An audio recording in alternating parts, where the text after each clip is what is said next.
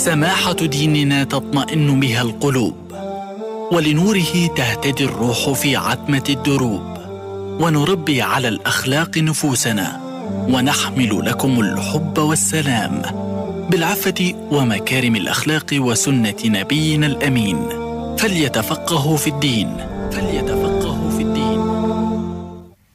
أعوذ بالله من الشيطان الرجيم. بسم الله الرحمن الرحيم. الحمد لله رب العالمين. والصلاة والسلام على سيدنا محمد وعلى آله وصحبه وسلم يا ربنا تسليما كثيرا. حياكم الله. أيها المستمعون الأكارم ومتابعو راديو الشباب 98.2 أف أم من غزة. في هذه الحلقة الجديدة من برنامجكم الأسبوعي ليتفقهوا في الدين. هذا البرنامج الذي نستعرض من خلاله مجموعة من الموضوعات الدينية المهمة التي نتطلع أن تكون رافدا مهما في صقل شخصية الإنسان المسلم. ونحن نعرج إلى الله سبحانه وتعالى بأقوالنا وأعمالنا عله سبحانه وتعالى أن يتقبل منا إنه هو السميع العليم. المستمعون والمتابعون الأكارم. نبتدئ هذه الحلقة المباركة من برنامج ليتفقهوا في الدين بخالص دعواتنا ورجائنا وتضرعنا إلى الله سبحانه وتعالى أن يتقبل شهيد فلسطين شهيد الحركة الأسيرة الشيخ خضر عدنان. الذي لقي الله سبحانه وتعالى فجر هذا اليوم في زنازين الاحتلال في جريمة مكتملة الأركان ينفذها العدو الإسرائيلي ضد هذا البطل من أبطال فلسطين رحمه الله تعالى رحمة واسعة. وتغمده بواسع رحمته مع النبيين والصديقين والشهداء والصالحين وحسن أولئك رفيقه ونسأل الله سبحانه وتعالى أن يلهم أهله وذويه الصبر والسلوان وحسن العزاء. حلقتنا اليوم بعنوان ماذا بعد رمضان؟ ماذا بعد أن يسر الله سبحانه وتعالى لنا طاعته في شهر رمضان المبارك؟ قال ربنا سبحانه وبحمده يا أيها الذين آمنوا كتب عليكم الصيام كما كتب على الذين من قبلكم لعلكم تتقون. هذا الشهر الكريم الذي مثل سوقا قد أشرعت أبوابه لأجل أن يتنافس الناس في وجوه الخير المتعددة وفي ذلك فليتنافس المتنافسون. فانكب المؤمنون على الطاعات كانوا صياما في النهار قواما لليل على مدار شهر كامل. وقد سارعوا إلى الله سبحانه وتعالى وإلى جنة عرضها السماوات والأرض وعدت للمتقين من باب الصيام ومن باب القيام ومن باب الزكاة ومن باقي من باب الصدقة والإنفاق في سبيل الله. ومن باب تلاوة القرآن العظيم ومن باب حفظ كتاب الله تعالى ومن باب مجالس العلم وحلق الذكر التي انتشرت في كل مساجدنا. سارع الناس إلى الله سبحانه وتعالى وإلى جنة عرضها السماوات والأرض. من باب المحافظة على صلاة الجماعة في المسجد أو من باب المحافظة على صلاة الجماعة في وقتها في البيوت لأصحاب الاعذار أو من أبواب صلة الأرحام أو من أبواب كلمة الخير والإكثار من ذكر الله سبحانه وتعالى. نعم إن المؤمن عاش في شهر رمضان المبارك حياة ملائكية. سمت روحه وسمت أخلاقه وسمت قيمه عبر هذه الطاعات المباركة العظيمة التي نسأل الله سبحانه وتعالى أن يجزل الأجر لفاعليها وأن يجعل خير ثواب لها جنة عرضها السماوات والأرض. وعدت للمتقين ولا شك أن أن من صام لله سبحانه وتعالى وفق ما أراد الله سبحانه وبحمده فقد تحقق فيه التقوى. لأن ربنا سبحانه قد قال لعلكم تتقون. أي على اليقين إن صام المؤمن كما أراد الله تعالى. عن المحارم والمفطرات فقد أصبح من المتقين.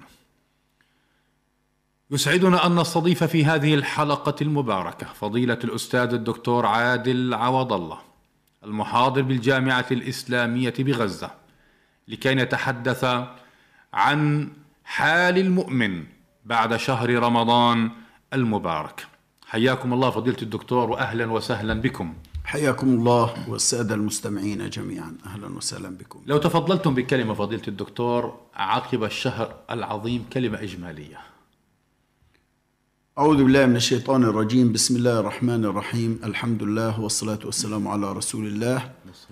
اسمح لي في البداية أن نعيش في ظلال الشهادة ونحن نودع اليوم الشهيد المجاهد خضر عدنان فنقول بما قاله الله سبحانه وتعالى والشهداء عند ربهم لهم أجرهم ونورهم.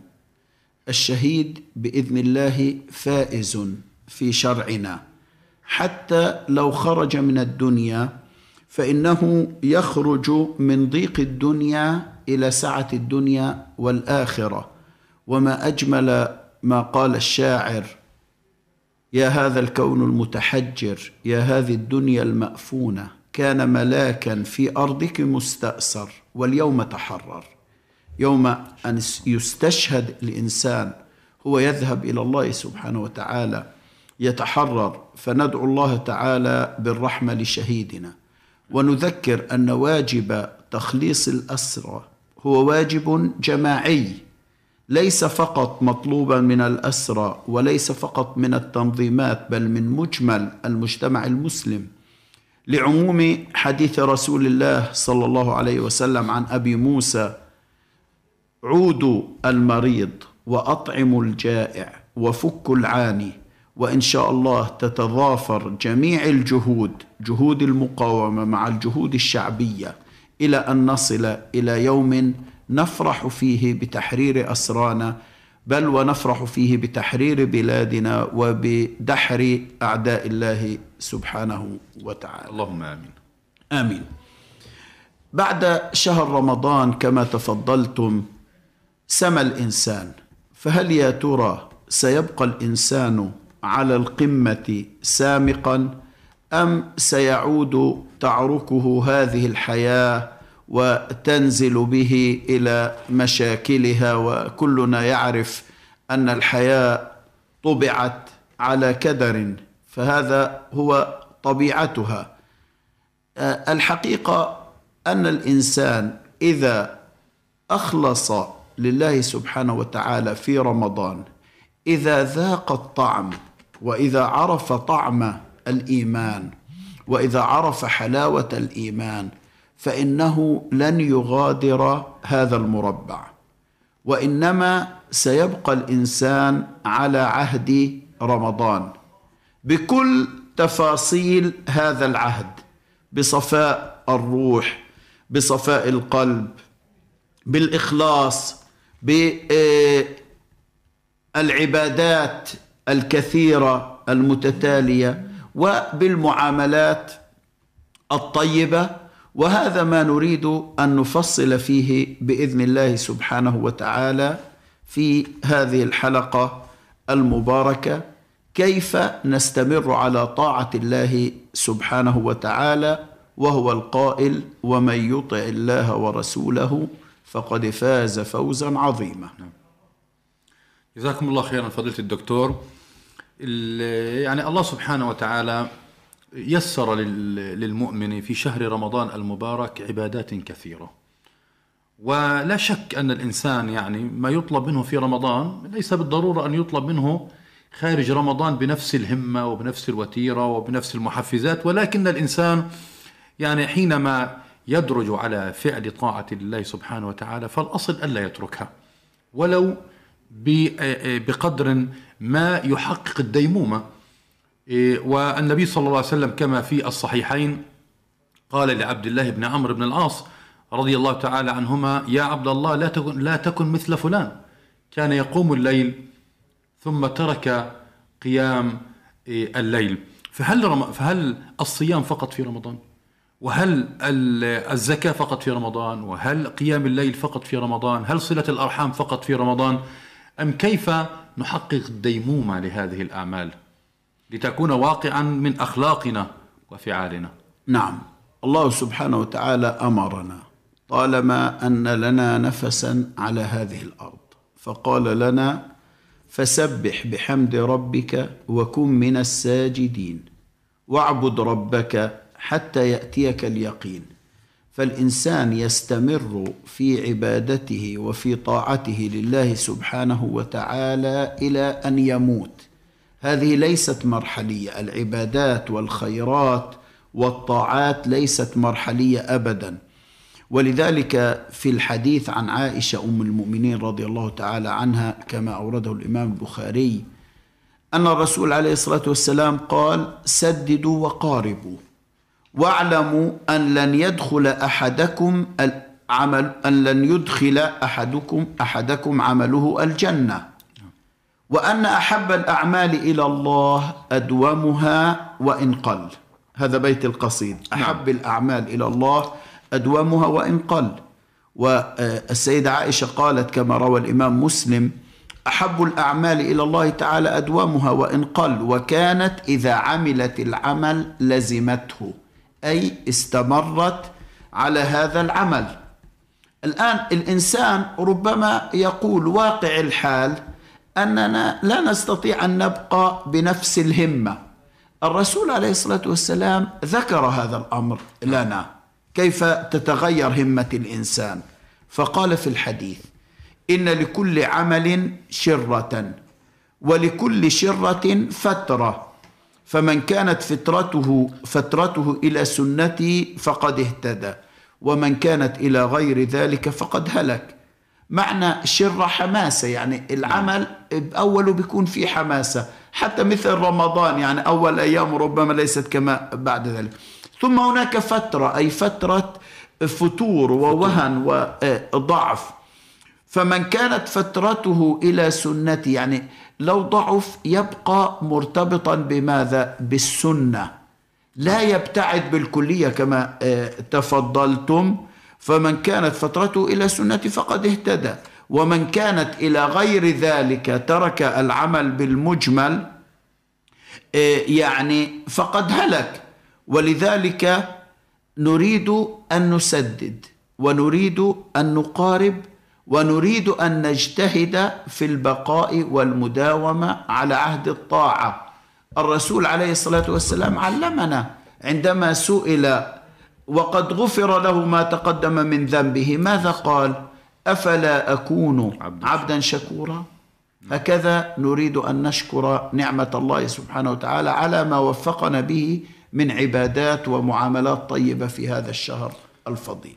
نعم فضيلة الدكتور سبحان الله يعني بعد رمضان بهذه الأعمال العظيمة التي نسأل الله لها القبول سبحانه وتعالى تعلمنا شيئا من الصلاة. أننا في أول قول لنا بعد التسليم تحليل من الصلاة نقول أستغفر الله أستغفر الله أستغفر الله. وفي الحج يعني إذ إن الحاج يرجع كيوم ولدته أمه ليس عليه ذنوب بإذن الله سبحانه وتعالى إلا ما كان من الحقوق الآدمية كما هو معلوم. يقول الله سبحانه وتعالى ثم أفيضوا من حيث أفاض الناس الناس واستغفر الله. واستغفر الله. فالاستغفار هنا ما موقع الاستغفار وما معناه حينما يكون بعد رمضان من إنسان صام وقام وزكى وأنفق وصلى يعني وصل رحمه وما إلى ذلك. الحقيقة يعني أن دوام الإنسان على الاستغفار هذا فيه درس عظيم. أن الله سبحانه وتعالى قد قبل من هذا الإنسان فوفقه إلى الاستغفار. نعم. بعض الناس لا يستغفرون هم لم يوفقوا إلى الاستغفار ولذلك كان بعض الصالحين وبعض التابعين يقولون طالما أنك تستغفر فبإذن الله سبحانه وتعالى سيغفر لك. نعم. لماذا؟ لأن ذات الاستغفار هو توفيق من الله سبحانه وتعالى للعبد. فإذا يسر الله سبحانك سبحانه وتعالى لك هذا التوفيق بأن تستغفر الله والاستغفار طبعا آه، يتبع أن تشعر بمعاني أنك أخطأت بحق فلان وأخطأت بالذنب الفلاني وما إلى ذلك وأنك لا يجب أن تعود إلى هذه الأخطاء. الآن الله سبحانه وتعالى يصنعك على عينه يوفقك إلى الاستغفار. ولذلك يعني هذه بشارة خير إذا كان الإنسان يكثر من الاستغفار من استغفار الله سبحانه وتعالى معنى ذلك أنه بدأ ينتبه لنفسه ينتبه إلى الذنوب. يندم على هذه الذنوب والله سبحانه وتعالى معه يعينه بأن يتحلل من ذنوبه بكثرة الاستغفار. الله يجزيكم الخير. وهذا الكلام آه، أيضا منسجم مع قول الله سبحانه وتعالى ولا تمنن تستكثر بمعنى أن الإنسان لا يمن على الله سبحانه وتعالى ابتداء بما يقدم بين يديه من طاعات فما وفق لها إلا بفضل الله سبحانه وتعالى وتوفيقه. ولا يستكثر الإنسان فإن آه، طاعاته لا شك أنها من يعني من إنتاج الإنسان والإنسان لا ينتج شيئا كاملا. فلا بد أن آه، آه، نقصا ما قد حصل في هذه الطاعة فيستغفر الإنسان مما عساه أن يكون قد وقع. وهذا بمثابة زكاة الفطر لجبر ما عساه أن يكون قد وقع من الصائم خلال شهر رمضان. إيه، إيه، إيه، المبارك. لاحظونا في بشارة. نعم. ومن يعمل سوءا أو يظلم نفسه ثم يستغفر الله يجد الله غفورا رحيما. جميل جدا. آه. بل ويجد الله سبحانه وتعالى قريبا منه. ولذلك ورد في القرآن الكريم وإلى ثمود أخاهم صالحا. قال يا قوم اعبدوا الله ما لكم من إله غيره هو أنشأكم من الأرض واستعمركم فيها فاستغفروه. ثم توبوا إليه إن ربي قريب مجيب آمنت بالله آه. جميل يعني جدا. الله سبحانه وتعالى يكون قريب منك فقط انطلق بالاستغفار نعم. لله سبحانه وتعالى وهذا نتكلم عن الانطلاق يعني الإنسان قدم ما قدم في شهر رمضان المبارك آه، استغفر بين يدي الله سبحانه وتعالى وهذا يأتي أيضا في سياق الشكر وأن الله سبحانه وتعالى هو المتفضل وأن الإنسان إيه، ما عبد الله سبحانه وتعالى حق العبادة ولكنه هو جهد الإنسان الذي يسره الله سبحانه وتعالى ثم تكون الانطلاقة نحو المسارعة في الخيرات ولا شك أن الله سبحانه وتعالى إيه، قد مدح زكريا عليه السلام لما إيه، رزق إنهم كانوا يسارعون في الخيرات بل كل الأنبياء. ويدعوننا رغبا ورهبا وكانوا لنا خاشعين ومدح القرآن الكريم أتباع موسى أتباع عيسى عليه وعلى نبينا وجميع أنبياء ورسل الله أفضل الصلاة وأتم التسليم. آه، يؤمنون بالله واليوم الآخر ويأمرون بالمعروف وينهون عن المنكر ويسارعون في الخيرات وأولئك من من الصالحين. وقول الله سبحانه وتعالى وسارعوا. الانطلاق من وسارعوا إلى مغفرة من ربكم وجنة عرضها السماوات والأرض وعدة المتقين آيات آل عمران. كيف يسارع الإنسان إلى الطاعات بعد شهر رمضان المبارك؟ الحقيقة أن موضوع المسارعة ومدح المسارعين ليس فقط للأنبياء. خذ قول الله سبحانه وتعالى الذي نستطيع أن نعيشه نحن نعم. إن الذين هم من خشية ربهم مشفقون. نعم. والذين هم بآيات ربهم يؤمنون. والذين هم بربهم يش لا يشركون. والذين يؤتون ما آتوا أي يعملون العمل والذين يؤتون ما آتوا وقلوبهم وجلة أنهم إلى ربهم راجعون أولئك يسارعون في الخيرات وهم لها سابقون. آه إذا أنا بالطاعة بالخشية أستطيع أن أكون مع الله سبحانه وتعالى. الآن الجميل في هذا الموضوع حقيقة موضوع المسارعة في الخيرات. أنك في الدنيا بمنطق الدنيا قد تسارع إلى فلان أو فلان لكنك لا تجد هذا الفلان يستقبلك. بمعنى أنك بحاجة إن أردت فلانا من الناس أي فلان من الناس بحاجة إلى موعد زماني. نعم. تحدد موعد مع هذا الفلان. وبحاجة إلى مكان للقاء. وبحاجة أيضا إلى أن يقبل هذا الفلان أن نعم. يقابلك. الآن إذا أردت أن تسارع إلى الله سبحانه وتعالى فلست بحاجة إلى كل هذه التعقيدات. أنت لست بحاجة إلى موعد. الموعد مع الله سبحانه وتعالى مفتوح. ولست بحاجة إلى مكان محدد. كأن نقول بأنك تستطيع أن تك- تسارع لله في المسجد. لا. ولست بحاجة آه، لا يمكن أن ترفض ابدا. نعم. ليل مقبول أو نهار في مقبول اي مكان. مقبول على الدوام. مقبول وعلى على الدوام. اي حال. حتى لو استيقظت في منتصف الليل لم تقم من فراشك ولم تتوضأ. وذكرت الله سبحانه وتعالى بقول لا إله إلا الله محمد رسول الله. اللهم اغفر لنا. أنت الآن تفتح قناة قرب من مع الله. الله سبحانه وتعالى.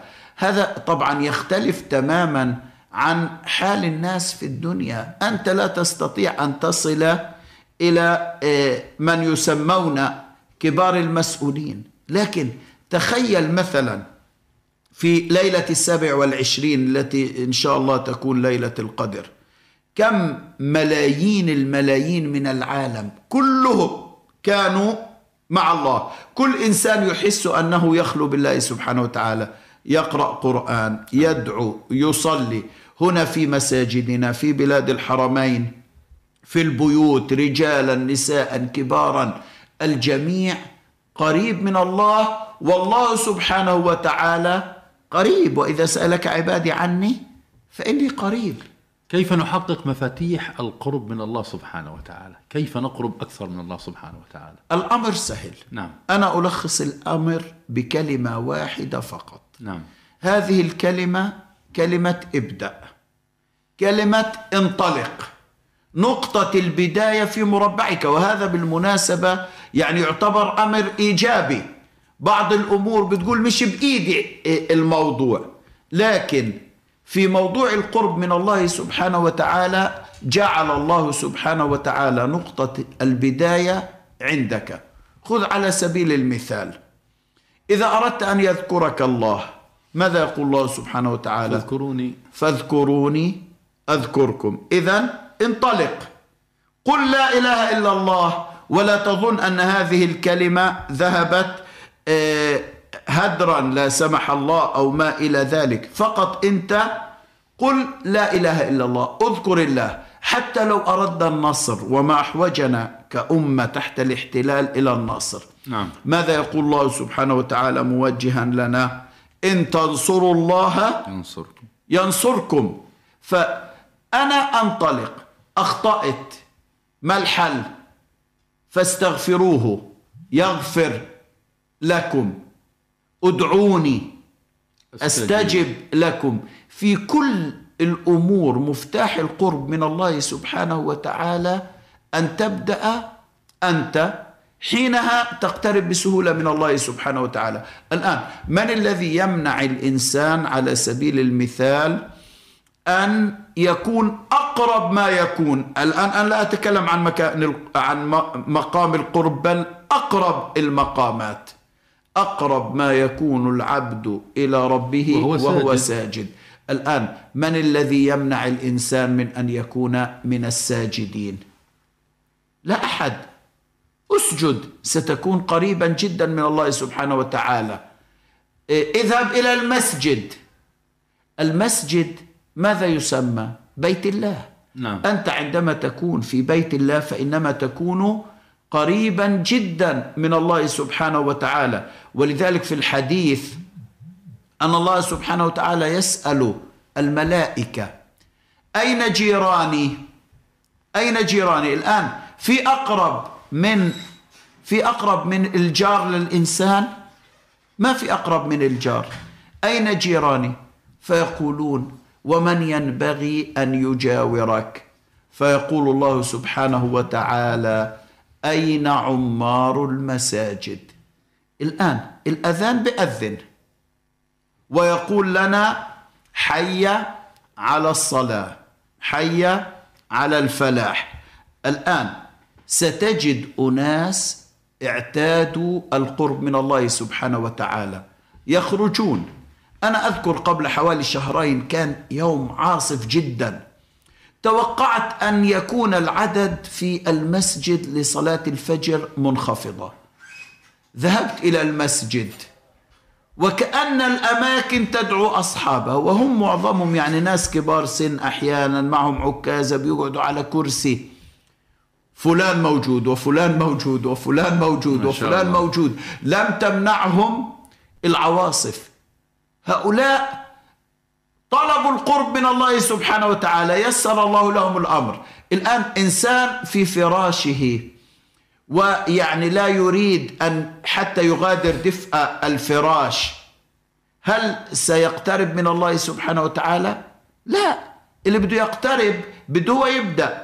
تتجافى جنوبهم عن المضاجع يدعون ربهم خوفا وطمعا ومما رزقناهم ينفقون. فلا تعلم نفس ما أخفي لهم من قرة أعين جزاء بما كانوا يعملون. نعم. ولذلك القرب من الله سهل. ما أجمل ما قال الشاعر حسب نفسي أني عبد يحتفي بي بلا مواعيد ربه. مش لازمني مواعيد مع ربنا سبحانه وتعالى. هو في قدسه الأعز. نعم. يعني لاحظ أنت مع مدير أحيانا بتتغلب لتحصل موعد. مع الوزير أصعب كتير. مع الملك مستحيل. فما بالنا مع ملك الملوك؟ هو في قدسه الأعز ولكن أنا ألقى متى وأين أحبه. آمنت بالله العظيم. ابدأ. آمنت بالله. ابدأ. الله ينتظرك. يعني وفي الحديث إن الله إذا أحب عبدا دعا جبريل. فقال إني أحب فلانا فأحبه. قال فيحبه جبريل. ثم ينادي في السماء فيقول إن الله يحب فلانا فأحبوه فيحبه أهل السماء. قال ثم يوضع له القبول في الأرض وإذا أبغض عبدا العكس الآن. دعا جبريل فيقول إني أبغض فلا- فلانا فأبغضه. فيبغضه جبريل ثم ينادي في أهل السماء إن الله يبغض فلانا فأبغضوه. قال فيبغضونه ثم توضع له البغضاء في الأرض. الآن نحن وظيفتنا أن نقترب من الله سبحانه وتعالى. وما تقرب إلي عبدي بشيء أحب إلي مما افترضته عليه. نعم. ولا يزال عبدي يتقرب إلي بالنوافل. حتى أحبه. وفي الحديث إذا تقرب إلي شبرا تقربت إليه ذراعا. وإذا تقرب إلي ذراعا تقربت إليه باعا. وإذا تقرب إلي أتيت وإن أتاني مشيا أتيته هرولة. هرولة. آه إذا من الذي سينطلق في القرب من الله سبحانه وتعالى؟ صاحب نقطة البداية. أنت الأخ المؤمن. نعم. ابدأ وستجد الله سبحانه وتعالى قريبا بإذن الله سبحانه وتعالى. الله يجزيكم الخير فضيلة الدكتور. الحديث عن القرب من الله سبحانه وتعالى طبعا كل الطاعات القولية والفعلية وحتى الفكرية حينما يتفكر الإنسان في آلاء الله سبحانه وتعالى أيضا هذا مما يعزز القرب من الله سبحانه وبحمده. ومن ذلك الموضوع صلة الأرحام فضيلة الدكتور. صلة الأرحام يعني الناس يجتهدون في شهر رمضان أكثر مما يجتهدون في غيره في صلة أرحامهم. إيه، وليس معنى ذلك أنهم كانوا من قاطع الرحم بل إنهم يعززون هذه الخصلة الكريمة في صلة أرحامهم. إيه، ممكن نتحدث عن تعزيز هذا الأمر. لما له من إيه، توثيق لعرى الأسرة والعائلة والمحافظة على النسيج ال- المجتمعي على مدار العام كله.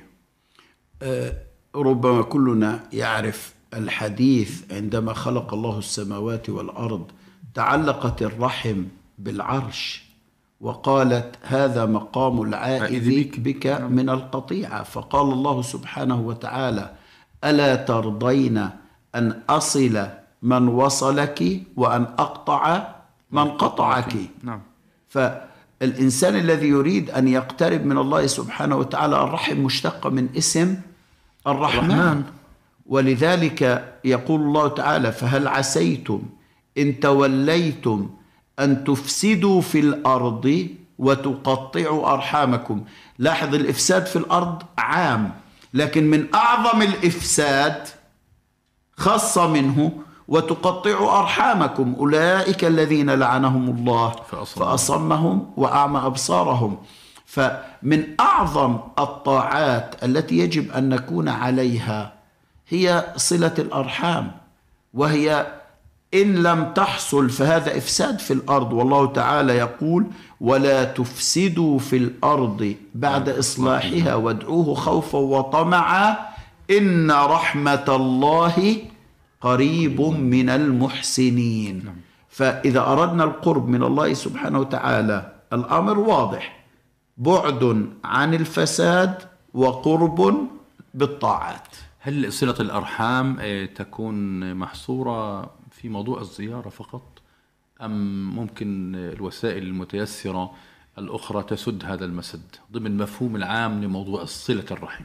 لا لا هو المفهوم أكبر من ذلك نعم. وربما من أهم الأمور هو تفقد الأرحام نعم. بالذات يعني ليس بالضرورة أن يكون الرحم محتاجا من الناحية المادية لكن ربما يكون الرحم عنده نوع من الضيق بحاجة إلى مساعدة فكرية بحاجة إلى من يجلس معه يعني ربما عندك أخت شقيقة نعم. وضعها المادي جيد لكن تريد اخا يزورها إيه، يعلو مقامها عند زوجها وعند أهل زوجها وأمام أبنائها أن لي إيه، أهلا يزورونني ويكرمونني. هي ليست بحاجة إلى المال وليست بحاجة حتى إلى العيدية أو ما إلى ذلك لكنها بحاجة إلى إيه، السند أحيانا عندها شكاوى. أحيانا تريد أن تستشير الأخ في موضوع ابن أو ابنه لها في تعليمهم أو في كذا أو في كذا. إيه، الأمور الحقيقة صلة الرحم تتعدى إيه، الزيارة. وإذا كان الرحم محتاجا فالصدقة عليه صدقة وصلة في ذات الوقت. فموضوع صلة الرحم الحقيقة هو موضوع أوسع من فقط مجرد زيارة هو رعاية هو إظهار محبة آه، هو إظهار مكانة آه، بالذات عند يعني الأخوات والعمات نعم. أن آه، لهن أهل يزورونهن ويهتمون بهن. كل هذا من باب يعني صلة الرحم. كان من من أبرز مميزات شهر رمضان المبارك أن الناس أن الناس يقبلون فيه على الله سبحانه وتعالى بشكل عام. عبر الفريضة وعبر النوافل. ونجد من هذه ال- الفرائض أو النوافل ما يتعلق بالزكاة مثلا في الفريضة وما يتعلق بالإنفاق الصدقة كنافلة. أيضا يعني حبذا أن نبين هذا الأمر. هل هو محصور في شهر رمضان أم أنه خلق من أن أنه خلق من أخلاق المسلمين؟ لابد أن يستمر وكيف أن يمكن أن يستمر؟ هذا الخلق في حياة الناس الإنفاق في سبيل الله. نأخذ الآية. نعم. وأنفقوا في سبيل الله ولا تلقوا بأيديكم إلى التهلكة وأحسنوا إن الله يحب يحب, المحسنين. نعم. الآن ما هو تعريف الإحسان؟ الإحسان ما زاد عن الواجب. يعني. نعم. هناك شيء حد أدنى الواجب. دعنا نقول مثلا في المال الحد الأدنى الزكاة لمن كان عنده زكاة مال وزكاة الفطر. هذه واجبة. واجبات. يجب أن تخرج. نعم. لكن السؤال إذا قلنا مثلا إنسان عنده مئة ألف دينار هذا الإنسان إذا أراد أن يخرج الزكاة لمرة واحدة في شهر آه، رمضان سيخرج 2500 شيكل. 2500 دينار. دينار. المال ما زال ببركته. ذهبت هذه النقود إلى الناس المحتاجة غطتها بشكل أو بآخر في شهر رمضان. الآن هل يا ترى الناس تأكل وتشرب ويلزمها لباس وعندها حاجات أساسية فقط في رمضان وليس لها احتياجات إلى رمضان القادم؟ ابدا. الناس بحاجة إلى طعام وشراب على مدار العام. العام. بل الإنسان بحاجة إلى وجبات ثلاث مرات بالمعدل يوميا كما هو دارج. الآن إذا توقفنا عن الإنفاق وعن صدقة آه، التطوع من لهؤلاء الناس؟ ولذلك آه، الإنسان الكيس من وفقه الله سبحانه وتعالى لدوام الصدقة. من ذا الذي يقرض الله قرضا حسنا فيضاعفه له أضعافا كثيرة. فهذا ما نريد أن نبقى عليه. لا نريد أن نقول إنني أخرجت زكاة المال وإنني أخرجت زكاة الفطر وانتهى إلى السنة المقبلة. كل إنسان بالذات يتفقد الأقارب يتفقد الجيران الأقرب فالأقرب. يقوم على رعايتهم ولو جزئيا. ما تراه أنت قليل يراه غيرك كثيرا. ربما أنت تظن خمسة شواكل قليلة لكن خمسة شواكل توفر كمية من الدقيق ربما تكفي لاسره يومين. من هنا تأتيها مساعدة من هنا مساعدة. فنريد أن نبقى على عهد الإنفاق في سبيل الله سبحانه وتعالى. فما بالنا والإنفاق مضاعف. مثل الذين ينفقون أموالهم في سبيل الله كمثل حبة أنبتت سبع سنابل. في كل سنبلة مئة حبة والله يضاعف لمن يشاء والله واسع عليم.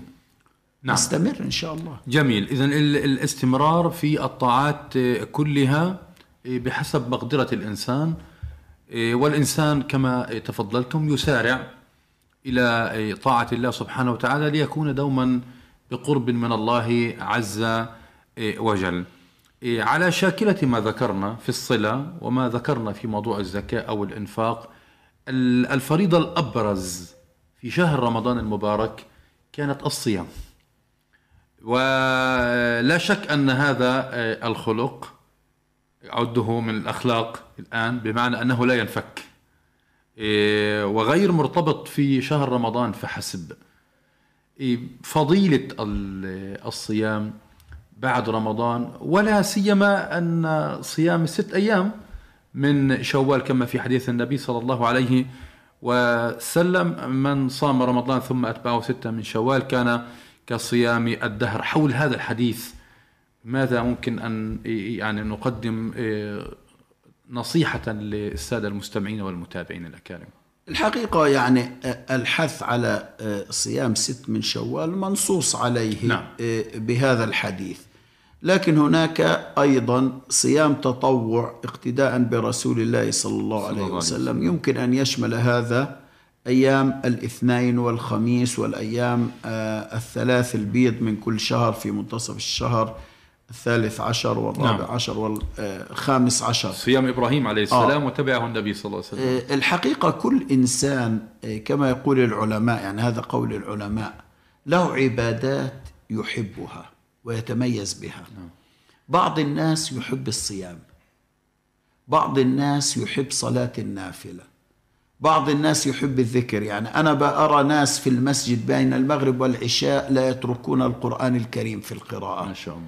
وأعرف اناسا بين المغرب والعشاء لا يقومون وهم يذكرون الله سبحانه وتعالى. عنده ورد نعم. آه، ذكر وتسبيح وما إلى ذلك. بعض الناس ابدا حياته آه، مجتمعية بمعنى بيحب يروح ويساعد فلان وفلان. بعض الناس آه، فرغ نفسه يمكن أكثر للدعوة. كل إنسان يحب طاعة يتقرب فيها. الآن الصيام تحديدا في ست شوال كما قلنا منصوص عليه فضله عظيم. كان كصيام الدهر يعني من صام رمضان ثم أتبعه ستة من شوال. الجميل في هذا الموضوع الحقيقة أن الإنسان لو تناول هذا الموضوع من الناحية الفقهية سيجد يسر الإسلام متجليا في فقه صيام هذه الأيام صيام الست من شوال. كيف؟ على سبيل المثال إيه، طبعا كفكرة أن هذا الصيام يمكن أن يجبر النقص الذي قد يكون حصل نتيجة لبعض السلوكيات والأخطاء وما إلى ذلك لا يخلو الإنسان من الذنوب. نعم. الآن الفرائض ما يجبر نقصها هو آه، النوافل. ولذلك في الحديث إن أول ما يحاسب الناس به يوم القيامة من أعمالهم الصلاة. يقول الله ربنا عز وجل للملائكة انظروا في صلاة عبدي أتمها أم نقصها؟ فإن كانت تامة كتبت تامة. وإن انتقص منها شيئا وإن انتقص منها شيئا قال انظروا هل لعبدي من تطوع؟ السنة. لجبر النقص. نعم. لجبر النقص. فإن كان له تطوع قال أتموا لعبدي فريضته. يعني إذا هذا جبران لماذا؟ للنقص. من تطوعه ثم تؤخذ الأعمال على ذاكم.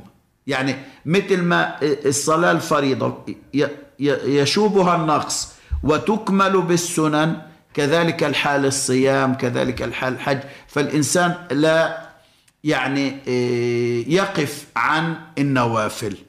والحقيقة أن صيام هذه الست من شوال لعلها يعني تعطي بشارة أولى للإنسان المسلم أن الله سبحانه وتعالى قد قبل الصيام رمضان منك فوفقك إلى طاعة لأنه إحنا دائما جميل. بنقول أن الطاعة تقود إلى إيش؟ إلى طاعة إلى طاعة حتى يعني لو خرجنا عن الموضوع لثانية في البحث العلمي نقول مشكلة بحثية تقودك إلى مشكلة أفضل. رسالة ماجستير تقودك إلى موضوع أفضل وأعم.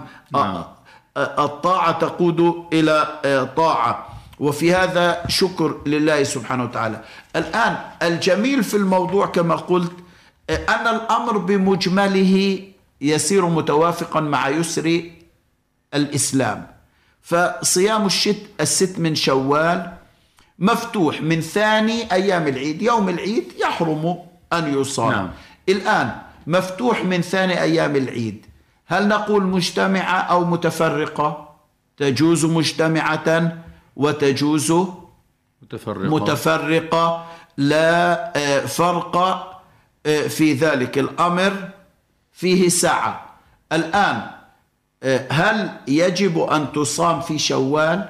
النص الظاهر من حديث رسول الله صلى الله عليه وسلم أنها تصام في شوال نعم. الآن بعض العلماء قالوا إذا كان عند إنسان عذر وما قدرش يكملها في شوال يكمل مباشرة البعض قال بل تصام في كل العام ولكن الأنسب أن تصام في شوال والأجر الأعظم أن تصام في شوال ولذلك إحنا بدنا نبقى مع الناس مع الناس. على حثهم أن تصام هذه الأيام في شوال.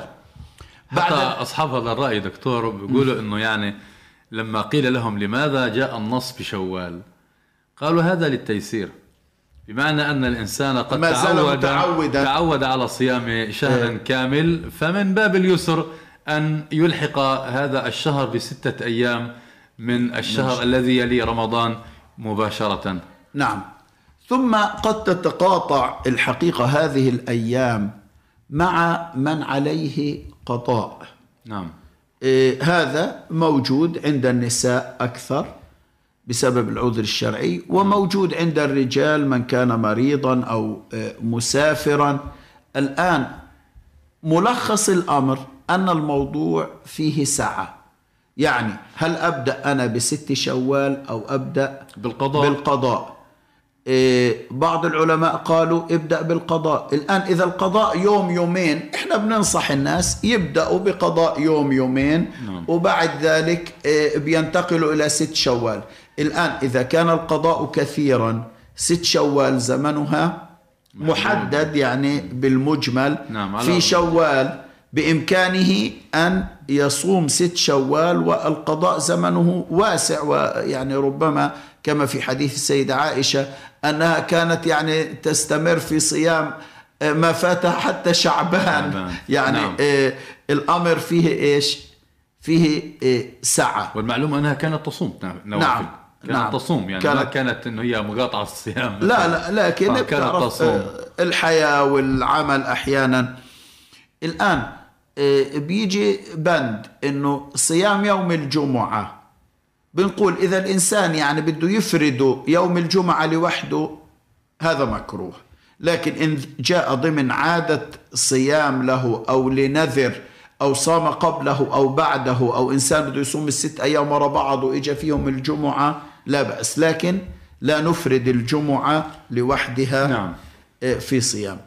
تبقى مسألة أخيرة وأنا بشوف إنها مش مشكلة رغم إنه الناس بيسألوا عنها وكأنها مشكلة. تشريك التشريك. تشريك النية. تشريك النية.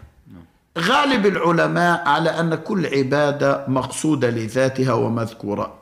صيام رمضان مقصود لذاته وست شوال مقصودة لذاتها فنصوم هذه ونصوم هذه. الآن الذين قالوا بجواز التشريك قالوا أيضا بأن الإنسان يعني لو كان عليه ست أيام قضاء وست أيام صامهم من شوال وجمعهم بنية واحدة بيكون قديش صام؟ ست أيام. طيب لو أتم القضاء ستا وصام ستا بيكون صام 12 الآن وين بده يكون الأجر أعلى؟ الأجر بده يكون أعلى لمن فعل الخير أكثر. فنقول مجمل آراء العلماء على عدم التشريك. والذين قالوا بالتشريك قالوا إن لم يشرك وصام هذه وتلك فهذا خير وهذا أفضل وهذا أجره أعظم بإذن الله سبحانه وتعالى. جزاكم الله خيرا فضيلة الدكتور. إيه، أيها المستمعون المتابعون الأكارم نعم رمضان ترك فينا أثرا طيبا مباركا نتقرب إلى الله سبحانه وتعالى فيه. لنبقى على عهد رمضان المبارك. لقد رأى الله سبحانه وتعالى منا صيام شهر كامل. فلا نبرح الصيام إلى العام القادم. بل نجعل لأنفسنا في كل شهر اياما نصوم فيها لله سبحانه وتعالى. لقد رأى الله سبحانه وتعالى منا اقبالا على القرآن العظيم. فلا نهجر القرآن العظيم طوال العام بل نجد ونجتهد. في هذا السبيل القويم نحو كتاب الله سبحانه وتعالى تلاوة وتعليما وعلما وتدبرا وعملا. لقد رأى الله سبحانه وتعالى منا الإنفاق في سبيل الله. فلا نتخلف عن هذا الخلق العظيم الذي هو من أخلاق هذا الدين وإنه لا ينحصر في الأغنياء فحسب بل إن الأغنياء والفقراء سواء في هذا الخلق العظيم. والنبي صلى الله عليه وسلم يقول أنفق بلالا ولا تخشى من ذي العرش اقلالا. والمعلوم أن بلالا رضي الله عنه لم يكن يوما غنيا. لقد رأى الله سبحانه وتعالى منا همة ونحن نصل أرحامنا فلا نقطعها ابدا بعد رمضان بل نتواصل مع أرحامنا ونصلها على الوجوه المتعددة التي تحقق المقصد العظيم والقيمة السامية من صلة الأرحام وتعزيز السلم المجتمعي والارتباط العائلي والأسري. لقد رأى الله سبحانه وتعالى منا اعتكافا ولا سيما في العشر الأواخر من رمضان. فلا نبرح طاعة الاعتكاف. فكلما دخلنا المسجد نوينا نويت الاعتكاف في هذا المسجد ما دمت فيه. فإن هذا اعتكاف مأجور بإذن الله سبحانه وتعالى. رأى الله تعالى منا خيرا فنسأل الله أن يثبتنا عليه وأن يجعلنا من الذين يداومون على فعل الطاعات وقول الصالحات وهذا مما فيه حياتنا. والله سبحانه وتعالى يقول يا أيها الذين آمنوا استجيبوا لله وللرسول إذا دعاكم لما يحييكم واعلموا أن الله يحول بين المرء وقلبه وأنه إليه تحشرون. واتقوا فتنة لا تصيبن الذين ظلموا منكم خاصة واعلموا أن الله شديد العقاب. نحذر أنفسنا والسادة المستمعين والمتابعين الأكارم من ترك الطاعة بعد رمضان المبارك. فقد سئل ابن عباس رضي الله تعالى عنهما عن القوم يعبدون الله تعالى في رمضان ولا يعبدونه في غير رمضان. فقال رضي الله عنهم بئس القوم الذين يعبدون الله في رمضان ولا يعبدونه في غير رمضان. على أمل أن نلقاكم في الحلقة القادمة. من برنامجكم ليتفقهوا في الدين. باسمكم جميعا نشكر فضيلة الأستاذ الدكتور عادل عوض الله المحاضر بالجامعة الإسلامية الذي أثرى هذه الحلقة المباركة. من برنامجكم ليتفقهوا في الدين. وهذه عاطر تحايا وصادق دعوات. محدثكم الدكتور محمد كمال سالم. والسلام عليكم ورحمة الله تعالى وبركاته. سماحة ديننا تطمئن بها القلوب ولنوره تهتدي الروح في عتمة الدروب ونربي على الأخلاق نفوسنا. ونحمل لكم الحب والسلام بالعفه ومكارم الأخلاق وسنة نبينا الأمين. فليتفقهوا في الدين. فليتفقهوا